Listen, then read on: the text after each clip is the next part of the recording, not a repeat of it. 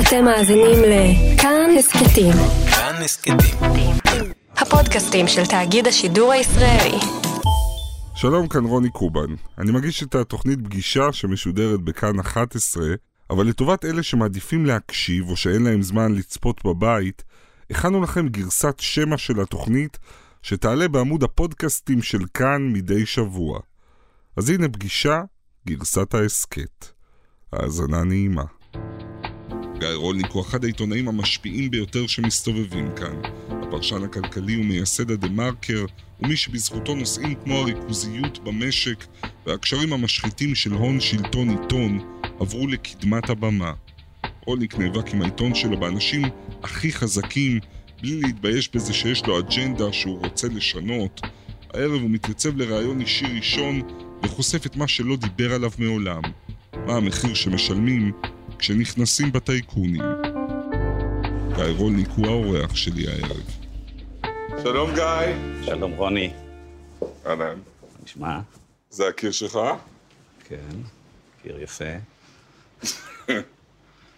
כל החברים. באמת, באופן חריג לתוכנית נמצאים פה, נקרא להם חברים, אויבים, אה, אנשים שלא ישנת בלילה בגללם והם לא ישנו בלילה בגללך, מאבקים שלך כעיתונאי אה, נגדם, בוא נסמן אותם רק. יש לנו פה את נוחי. מוכר לי. אני זוכר, היה אחד כזה, כן. מאיפשהו. מי עוד אתה רואה פה? אני רואה פה את אה, ראשי הבנקים, בנק לאומי ובנק הפועלים. אה, אני רואה פה את אביגדור ליברמן, יש פה את נוני מוזס, נוני מתחבא מוזס, בפינה. שסוף סוף יש תמונות טובות שלו לעיתונים. גיא, אתה ידעת מההתחלה שזה הולך להיות סרט מלחמה? שאתה עיתונאי שהולך להיכנס בהם חזיתית? לא, לא, לא הבנתי את זה. אה, מהר מאוד היה לי עימותים אה, לא נעימים, ובהתחלה חשבתי כל פעם שזה משהו כאילו אד הוקי, אוקיי, מה לעשות, נתקלתי בדבר מאוד מאוד בעייתי, ותמיד הייתה איזו הרגשה שבסדר, זה, זה לא נעים, אבל צריך לעשות את זה, וזה חשוב. וזה יעבור. לא חשבתי לרגע שזה כל כך יסלים עם השנים. הציעו לך בשלב מסוים, בוא תירגע, תתמתן? בהתחלה, כשהייתי כתב, אז הרבה פעמים הסבירו לי שההתנהלות הזאת תגרום לכך שאנשים לא יעבירו לי אינפורמציה. בהמשך, כשהייתי כבר עורך, אז היו הסברים כבר אה, פחות נעימים. והיה הפוך, ניסו לקנות אותך? ניסו לקנות, לא הרבה פעמים. למשל. היה איש עסקים, אני לא יכול לחשוף את שמו, והיו שם הרבה עסקאות בעייתיות, וכתבנו על זה. והוא היה שולח מיד מכתבים מעורכי דין, והוא היה מאוד אגרסיבי ולא נעים. ויום אחד הוא התקשר אליי ואמר, תבוא דחוף, יש לי אה, סיפור בשבילך. ואיך שהתיישבתי בכיסא, הוא לא המתין, והוא אמר לי, בוא תעבוד אצלי. אני אתן לך אה, מענק חתימה, ואז הוא נקב בסכום מטורלל אה, לחלוטין. שהוא? אה, מיליון דולר. זה היה המון כסף אז, זה כבר 20 שנה. מ- מיליון דולר? מיליון דולר, כן. אני הייתי בכל כך הרבה פגישות עם, עם בוסים, ואף כן. פעם לא הציעו לי. כן. האמת, אף פעם לא הציעו לי מענק חתימה, לא חשוב.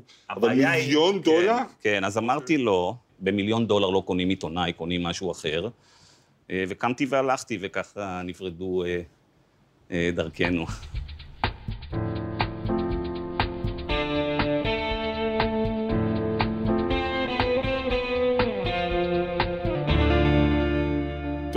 אז שלום לגיא רולניק, עיתונאי ופרשן כלכלי, אולי הבכיר והמשפיע ביותר שצמח כאן, מייסד העיתון הכלכלי דה מרקר ועורכו במשך שנים ארוכות. תנשום, האיש שבגיל 30 כבר היה העורך הכלכלי של הארץ, חבר הנהלת העיתון, זוכה פרס סוקולוב למפעל חיים בגיל 45. בשנים האחרונות מרצה בכיר וחוקר מוערך בבית הספר למינהל עסקים של אוניברסיטת שיקגו, שמסביר אה, לאמריקאים ולא רק לנו מה תקוע ומה פגום בשוק הכלכלי והעיתונאי שלהם. אני אתחיל ואני אגיד שההבנה שלי בכלכלה מאוד מאוד מצומצמת. אני מניח שאני לא לבד, רוב הצופים איתי, ואני רוצה להתחיל איתך לכן במה שאתה הכי מצטיין בו, בחשיפת המטריקס. מה הדבר הכי חשוב בעיניך שאני ורוב הציבור לא, לא מודעים או לא מבינים? תראה, היו הרבה מאוד אה, שנים שהייתה איזו הרגשה שחיינו בתוך איזה מטריקס. החדשות הטובות הם שמשהו קרה בשנים האחרונות אה, אה, בישראל, וחלקים גדולים מהדברים שהיו מאחורי המסך הזה יצא החוצה. תמלילים שיצאו החוצה, כתבי אישום, סיפורים, וגם אנשים שאזרו אומץ, אז היה לנו המון רגעים שבהם אה, אנשים פתאום ראו באמת מה קורה מאחורי הקלעים. ובכל זאת, תן לי את הגלולה. אז המטרה היום של הגלולה בעצם, כן.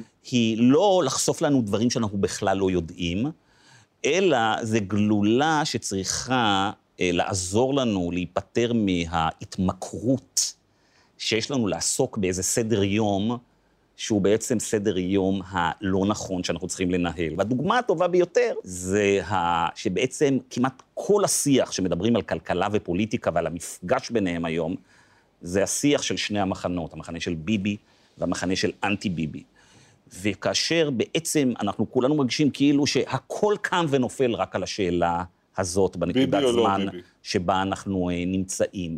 בשעה שאנחנו יודעים שזה לא הדבר, בעולם שבו אנחנו כל כך קוטביים, וזה רק כן ביבי או לא ביבי, או רק ימין ושמאל, הפוליטיקאים וכל מי שנמצא בעמדות כוח מקבלים בעצם פטור מלהיות אחראים, אחריותיים, accountable, לציבור. שהם יתעסקו בביבי או לא ביבי, ואנחנו ואנחנו, ברגע ש... נגנוב אותם מכל מיני מקומות, לא נהיה אחראים ב- ל-well-being שלהם, לבריאות. נכון, ברגע שזה רק ביבי או לא ביבי, בעצם הם יודעים שאנחנו לא דורשים מהם את הדברים האחרים, אנחנו איתם בגלל שאנחנו בתוך המחנה הזה.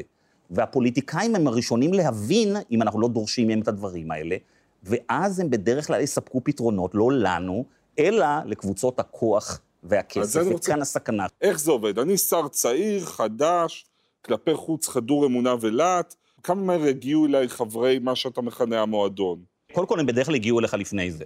אם או. אתה תסתכל על, נניח, אה, על המפלגות, כל המפלגות שמתמודדות היום, רובן, לא כולן, הן מגיעות קודם כל עם הטייקונים שתרמו להם כסף, האנשים שתרמו להם כסף, חברי המרכז, קבלני הקולות, פוליטיקאים שעזרו להם להיכנס בגלל שהם במסגרת איזה דיל, וכמובן כלי התקשורת. אנחנו רואים את זה, פוליטיקאים נכנסים והם כבר מבינים שהם צריכים לרקוד לחליל של אותם כלי תקשורת שייתנו להם את הבמות ובלי הבמה התקשורתית קשה מאוד לשרוד בפוליטיקה, בעיקר בתוך המאבקים הפנימיים, בתוך הגושים ובתוך המפלגות. אז עוד לפני שכף רגלם דרכה בכנסת, רוב הפוליטיקאים כבר נושאים איתם מאחוריהם כל מיני מחויבויות שירדפו אותם תמיד, וכמובן, ברגע שהם מגיעים לשם, הם מתחילים לעבור סדרת חינוך, שהם רואים כמה קשה לשרת ציבור רחב ומפוזר, כלומר, לא אינטרסים פרטניים, כי, וכמה נוח יותר לשרת את האינטרסים של הפרטניים, של אלה שיש להם את המנופי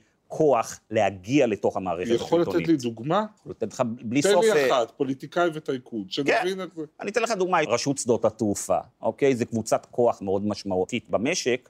תשאל פוליטיקאי, למה אתה לעולם לא תתמודד עם הדבר הזה? עם האגרות הגבוהות, עם החוסר יעילות שם, עם כל הדברים האלה. הוא יגיד לך, למה לי להתמודד עם אנשים שיש להם כוח פוליטי בתוך המפלגות, עם אנשים שיש להם כוח פוליטי בהרבה מאוד, אה, במאוד זה, אני לא אקבל על זה דיבידנדים אה, אה, משמעותיים. לכן תמיד עדיף להימנע מלגעת באנשים האלה. זו דוגמה מהסקטור הציבורי, הדוגמאות הכי טריוויאליות זה מהסקטור הפרטי.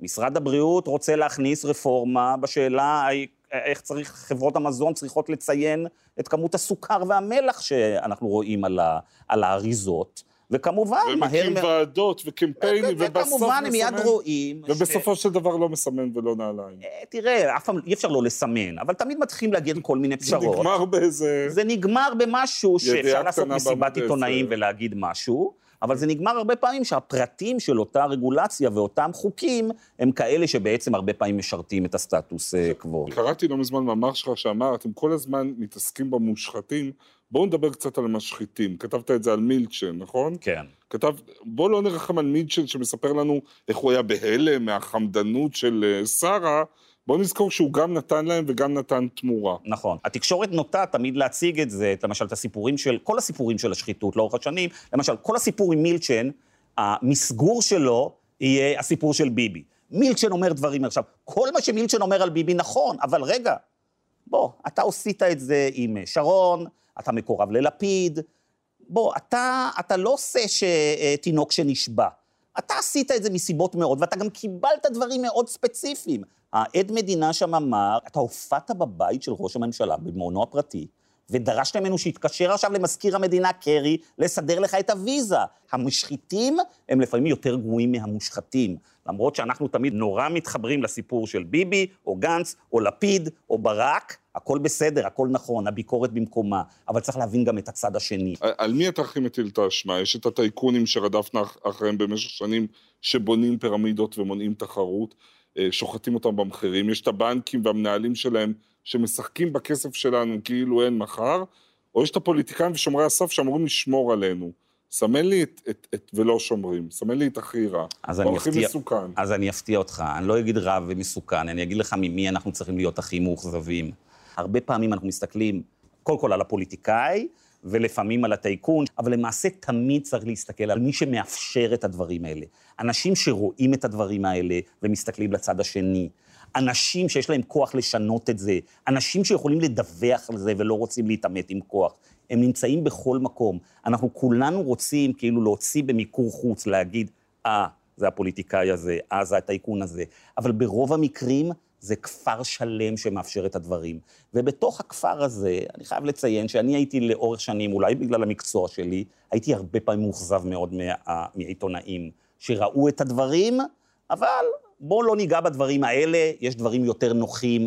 במוקדי קבלת ההחלטות, בכל התחומים, לא רק הכלכלה, היו הרבה מאוד עיתונאים שהיו קרובים מדי לכוח, והקרבה לכוח משחיתה.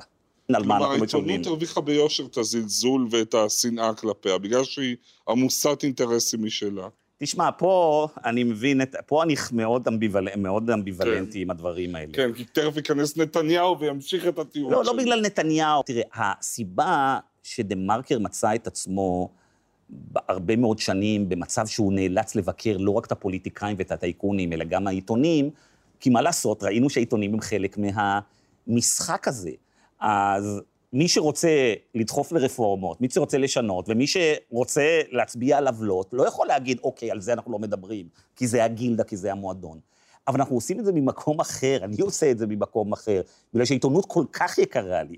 אני לא עושה את זה בשביל להגיד, תראה, העיתונות. אני עושה את זה בגלל שאני אומר, קריטי שיהיה לנו עיתונות נהדרת, ויש פה עיתונאים טובים. צריך להעצים ולחזק את אלה שבאמת רוצים לעשות עיתונות, ולהקים מתוכנו את אלה שרוצים לקדם בעצם את אה, מוקדי הכוח ואת החברים שלהם בכוח.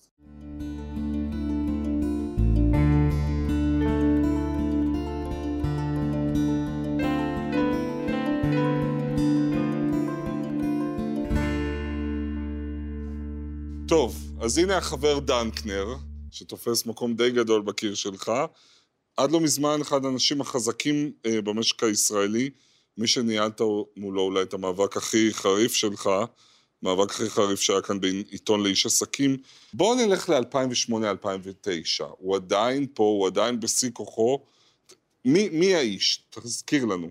דנקנר היה נצר למשפחה שהיה לה אה, הרבה מאוד עסקים בישראל, הרבה מאוד אה, אה, שנים. בשלב מסוים הוא נפרד מהמשפחה, ומוכר את חלקו בחברת הדגל שלהם באותה תקופה, דנקנר השקעות, הוא היה עורך דין, ואז הוא חיפש את האתגר הבא.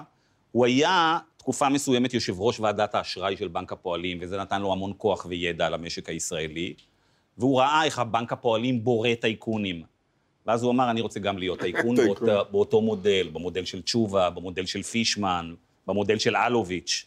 ואז הוא התחיל לקחת אה, הלוואות בסדרי גודל אדירים, ולקנות את, אה, כדי לקנות את IDB, שזו החברה הגדולה ביותר במשק, ששלטה בשנים האחרונות שלו במשהו כמו 180 אה, מיליארד שקל. ומה כישרונו? מה היה כישרונו? זאת אומרת, איך הוא הצליח?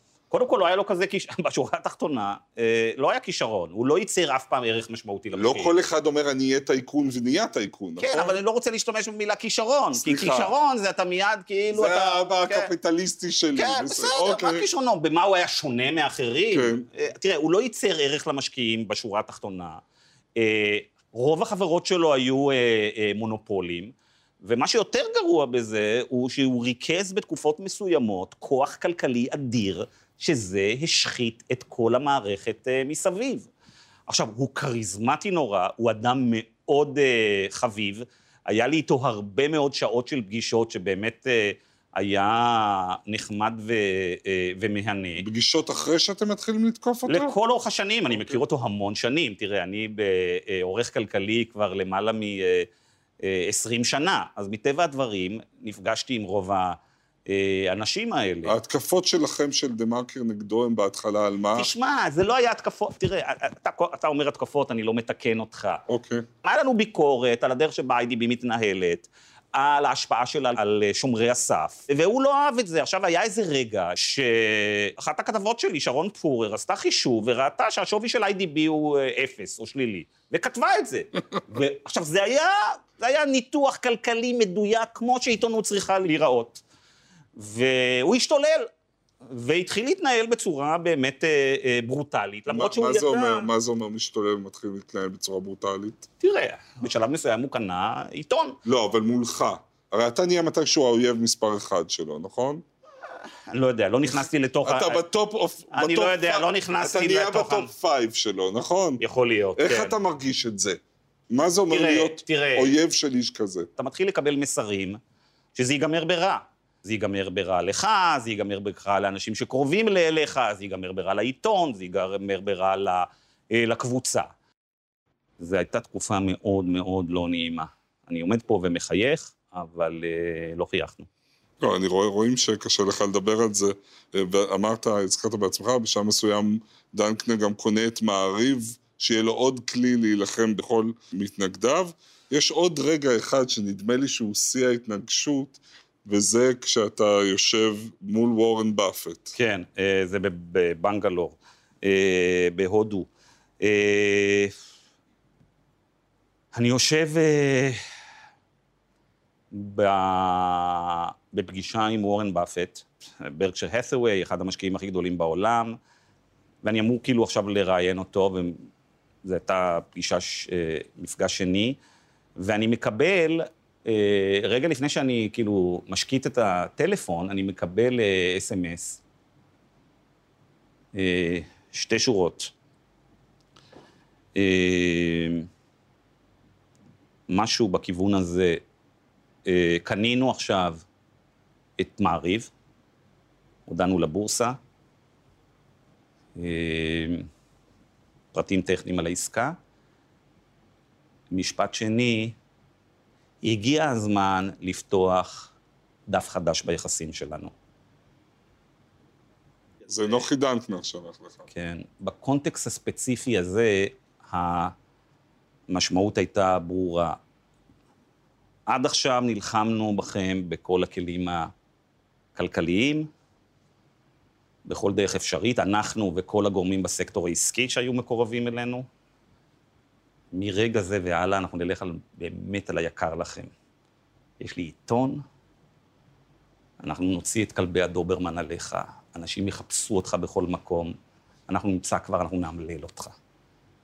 ושור enough, אחרי כמה שבועות, חודשים, שנסגרה העסקה, התחלתי לקבל שוב ושוב ושוב בקשות תגובה לכתבות מאנשים שבעצם לא ברור בכלל אם היו עיתונאים, לדברים שלא היו ולא נבראו, שאתה מבין שאו מנסים לאיים עליך, או מנסים למצוא דרך לספר סיפור שלא קיים, כדי ללחוץ, לא כדי לפרסם. והכתבות האלה מעולם לא פורסמו. ואת אותו טיפול, אני הבנתי בדיעבד, גם קיבל עמוס שוקן, הבוס. וצריך להגיד גם שהארץ סופג הפסד, הפסדים כבדים באותה תקופה, בגלל שחלק מהמפרסמים, כן. שאתם יוצאים הם נגדם, מפעילים- מפסיקים לפרסם. הם מפעילים על משהו עמוס כמו הפסדים שוקן. של עשרה מיליון שקל בשנה. היה הרבה יותר מהפסדים, הם רצו לחסל את העיתון. אז היה רגע אחד הם ש... רצו לחסל את העיתון. היה רגע שעמוס אמר לך, גיא, אולי נרגיע קצת, או שאולי אתה אמרת לעצמך, יש לך עובדים, יש לך משפחה, תשמע, היו הרבה זה מאוד הולך אנשים, להיגמר רע. היו הרבה מאוד אנשים שהסבירו לי שעשיתי טעות מאוד גדולה. עיתונות לא אמורה לנהל קמפיינים נגד אנשים כאלה ולשנות את המציאות. אתה אמור לדווח, לא, לא לעשות קמפיין. ובטח לא בסיטואציה הזאת. עמוס שוקן היה חומה בצורה, והם לחצו עליו בכל דרך אפשרית, לאלפית שנייה הוא לא חשב להתכופף בכל התקופה הזאת. ואני ידעתי, אולי הוא לא יודע בזה, אני ידעתי שהיינו קרובים כחוט השערה לזה שהוא יאבד את מפעל חייו. את הארץ. והוא בסוף היום העדיף לא להתכופף, גם אם הסיכון זה לאבד את מפעל חייו. ומה איתך מולך, מול המשפחה שלך? לא חששת שהם ייפגעו מכל הסיפור הזה? כמובן שחששתי למשפחה, חששתי לכל העובדים של הקבוצה, חששתי לכל החברים שלי. זה... הפחד היה לא רק שיחסלו לנו את העסק, לא רק... הפחד היה שישתיקו אותנו לעד, שלא נוכל לדבר. הפחד היה שקבוצה קטנה של טייקונים עם הבנקים ישתלטו על כל כלי התקשורת בישראל, ואף אחד לא יישאר לספר את הסיפור הזה. וזה היה פחד אמיתי וקונקרטי שליווה אותנו תקופה מאוד ארוכה. ומה עושים עם הפחד הזה? פשוט ממשיכים? אי אפשר להגיד פשוט ממשיכים, כי זה דבר שמלווה אותך אה, כל הזמן, אבל כן אפשר להגיד שאת הגיבוי המוסדי והכלכלי באמת קיבלתי מהארץ, אבל באמת כדי לשרוד תקופה כל כך רעה, זה רק המשפחה. ו...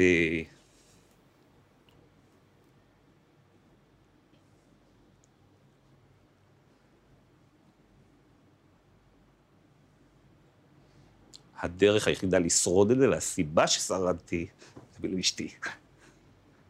כי בכל נקודת זמן, היא אמרה לי, יהיה בסדר.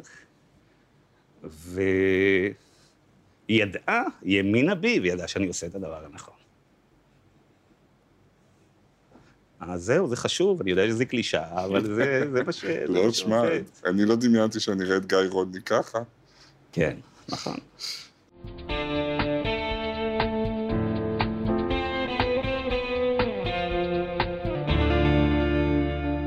טוב, אז הציבור הרחב, זה שלא קורא מדורי כלכלה יום-יום בהתלהבות, מכיר אותך דרך הסדרה מגש הכסף, שיצרו בכישרון רב דורון צברי ואמיר בן דוד בערוץ 8, סדרה שבזמנו זעזעה את כל מי שצפה בה.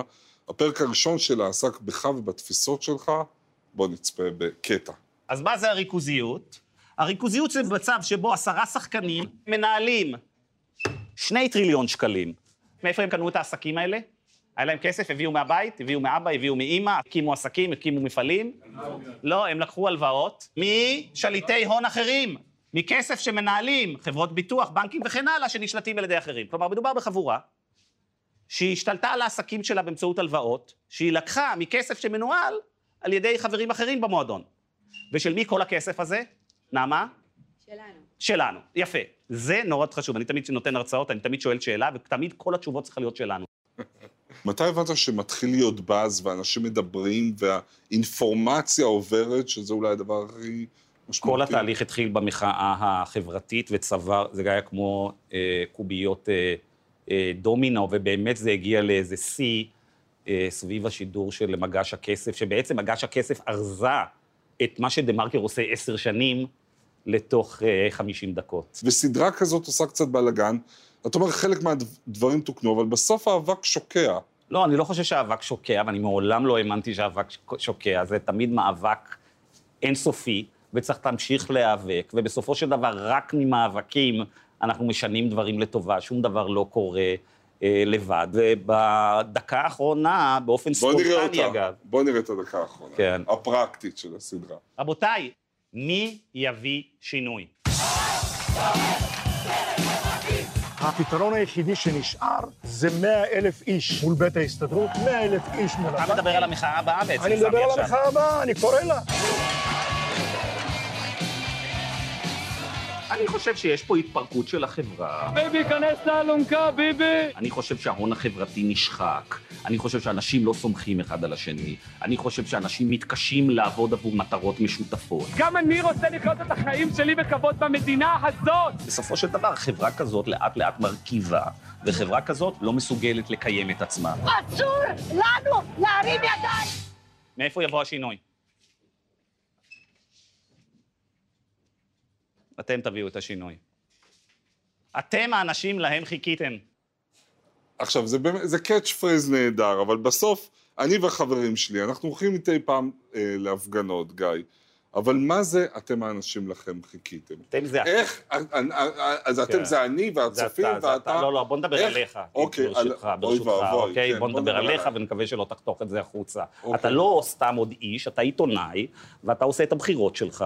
כמה אנשים שתביא שיעסקו בנושאים האלה שאנחנו מדברים. אחד בעונה. או, תודה רבה, אז אולי תגדיל את זה לשלושה בעונה, ואולי תשאל את השאלות האלה, הטיפה יותר מורכבות, את שאר השחקנים שמגיעים. דמוקרטיה זה לא רק האנשים שאנחנו בוחרים כל ארבע שנים, דמוקרטיה זה כל אחד מאיתנו עושה כל יום בחירות, האם אנחנו רוצים לתמוך בדמוקרטיה או להחליש את הדמוקרטיה, ולרובנו יש יכולת להשפיע.